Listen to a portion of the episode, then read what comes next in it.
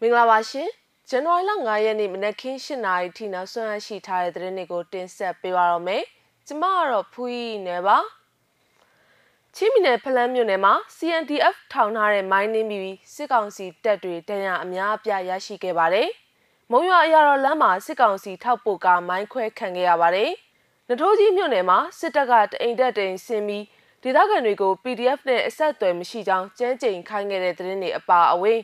ဒေါက်တာဇော်ဝေဆိုးရဲ့ပုံအဟောင်းကိုအသုံးပြုပြီးအီတလီမှာမိတ်ဆွေတွေနဲ့ညစာစားနေတယ်လို့စစ်တပ်ဝါဒဖြန့်အကောင့်တွေကဖြန့်ဝေခဲ့တဲ့သတင်းအမှားကိုလည်းတင်ဆက်ပေးဖို့ရှိပါတယ်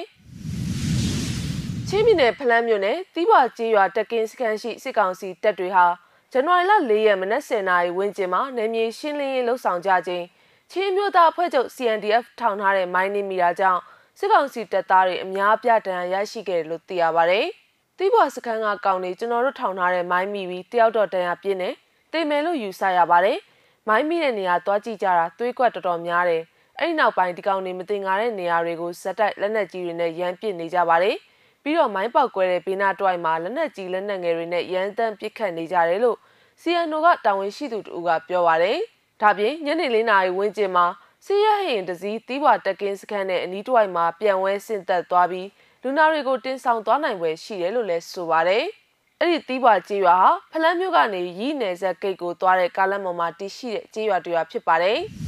။မုံရွာရတော်လမ်းမိုင်းမှာစစ်ကောင်စီထပ်ပို့ရင်တစည်းကိုဇန်နဝါရီလ၄ရက်မနက်6နာရီမှာမိုင်းဆွဲတိုက်ခိုက်ခဲ့တယ်လို့ Knights of the Red Land KORL ပျောက်ကြားတပ်ဖွဲ့တာဝန်ရှိသူကပြောပါတယ်။ရင်နှစီးလာတာတစည်းနဲ့တစည်းကနိုင်ဝက်လောက်ကြာပါတယ်ပထမတစည်းကိုလွတ်ပေးလိုက်ပြီးနောက်ကားကိုဆွဲလိုက်တာ ဘေးတစ်ချက်ကတော်တော်ကိုစုပ်ပြတ်သွားပါတယ်ကားပေါ်အကောင်တွေလည်းအများအပြားဒဏ်ရာရနိုင်တယ်လို့သူကပြောပါတယ်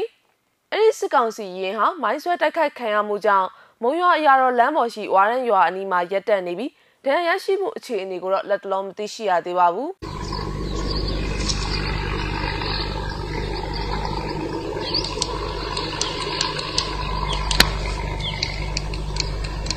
は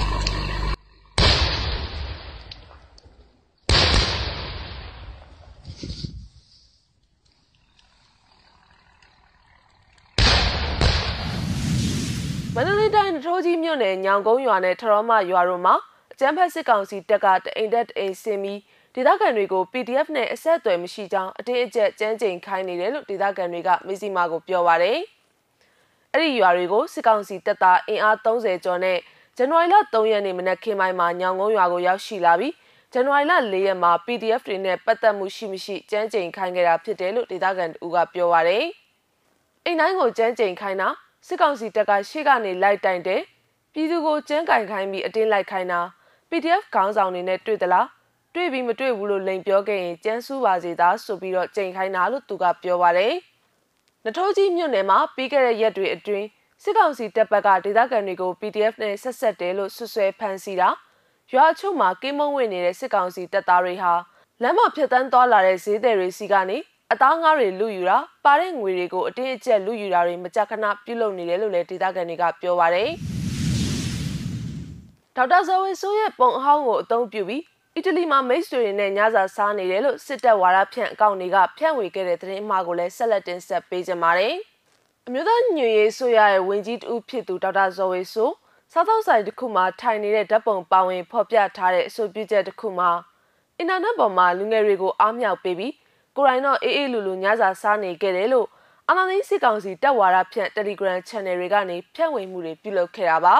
။ဒါပေမဲ့အဲ့ဒီဖြန့်ဝေမှုဟာသတင်းအမှားသာဖြစ်ပါတယ်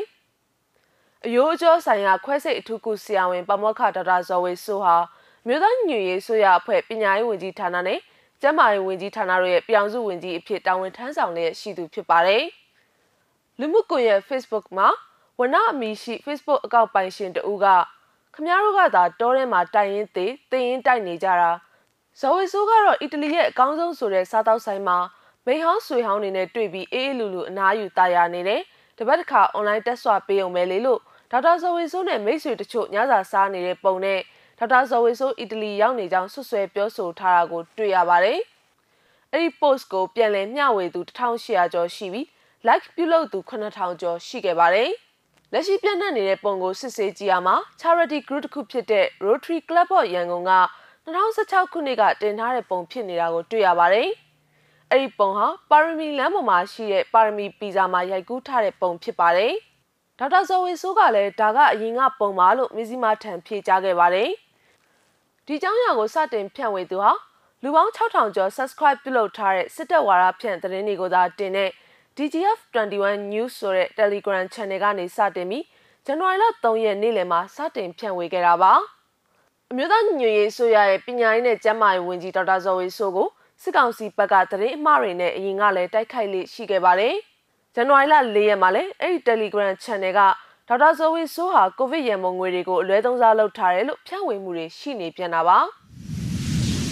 မဇ္ဈိမ TV ရဲ့နောက်ဆုံးရသတင်းတွေကိုတင်ဆက်ပေးခဲ့တာပါ စောင့်မျှော်ကြည့်ရှုခဲ့ကြတဲ့ပရိသတ်တွေအားလုံးကိုကျေးဇူးအထူးပဲတင်ရှိပါရရှင်။